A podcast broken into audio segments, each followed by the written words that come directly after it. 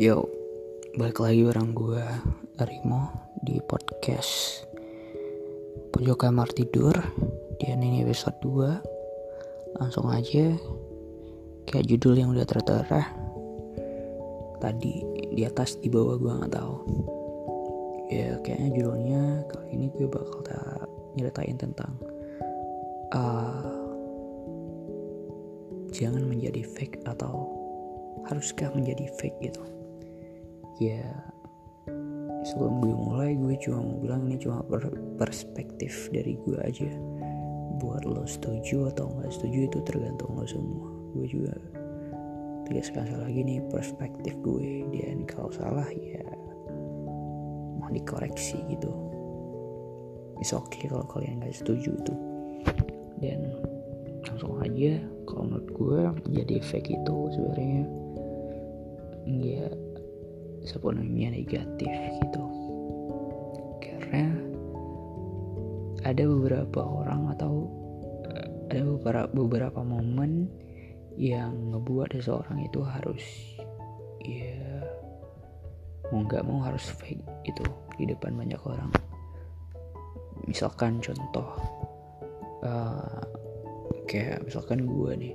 Gue di sekarang masuk di salah satu kampus yang itu menuntut gue buat jadi seorang yang lebih uh, apa ya? Intinya itu kayak orang kantoran yang uh, klimis segala macam terus pakaiannya itu harus uh, kemeja able lo tau lah orang kantoran kayak mana pakaiannya segala macam. Dan gue tuntut kayak gitu. Dan kalau dibilang itu fake ya 50% eh, itu bisa dibilang fake. Ya lo dituntut profesional which is lo nggak bisa jadi diri lo sendiri. Dan itu nggak sepenuhnya hal yang buruk. Dan itu kalau menurut perspektif gue juga bisa dikatakan fake gitu. Lo menjadi uh, sesuatu yang bukan diri lo sendiri gitu. Dan lo tunjukin itu ke banyak orang gitu. Ya yeah, it's okay gitu cuma ya sebenarnya itu ada dampak buruknya gitu. Ketika lo nggak menjadi fake uh, terlebih lagi kalau misalkan lo merasa nggak nyaman uh, merasa kurang nyaman ketika lo menjadi sesuatu yang ah ini bukan gue kayaknya. Emang bukan lo sih dan lo merasa kurang nyaman ya menurut gue ya kalau misalkan ada beberapa opportunity yang bisa lo ambil ya. Mendingan lo ambil yang senyaman diri lo aja gitu. Dan walaupun lo ngelakuin hal yang fake ya lo cari fake uh, lo menjadi uh, profesional di bidang yang bisa ngebuat lo nyaman aja. Uh, lebih kasarnya itu fake yang bikin nyaman lah posisi fake yang nyaman gitu. Kayak lo nyaman aja ngelakuinnya. Cuma ya jangan sampai keturus.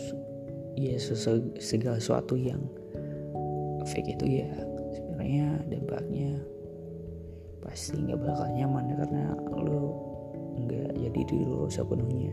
Cuma ya mau gimana lagi?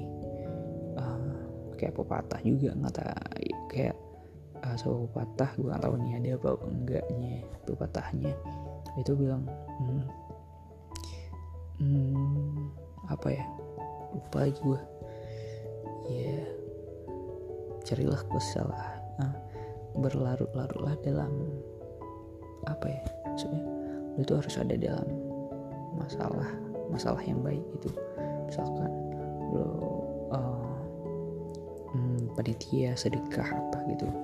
Terus lo punya satu masalah di situ masalahnya itu lo bingung lo minyak motor lo tiba-tiba habis pas lo mau ngantarin sedekah itu. Dan ya itu masalah gitu. Lo di, di dalam masalah tapi masih di lingkungan yang baik gitu. Nah aku nggak tahu lo bisa nangkep apa enggak intinya lo itu kalau punya masalah dalam hal baik aja gitu. jangan lo itu berlarut-larut dalam masalah yang buat lo kurang nyaman gitu.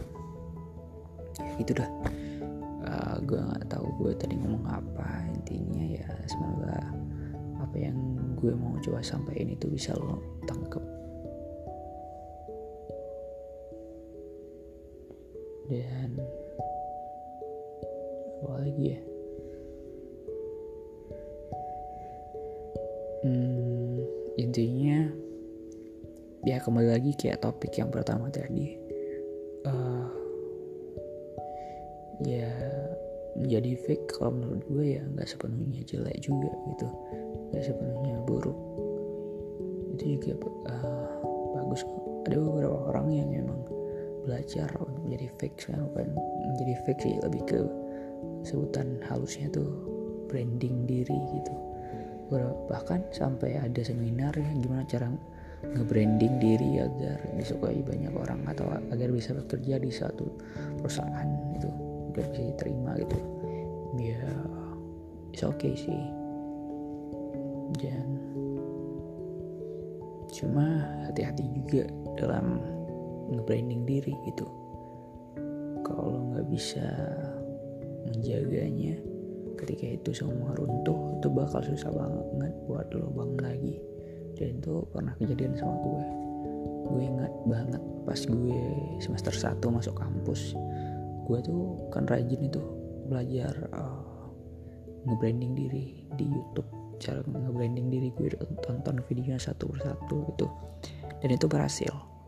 Gue itu coba praktekin di semester 1 di kampus gue dan ternyata impactnya itu lumayan gede. Orang-orang pada terbuka ngomong sama gue enak.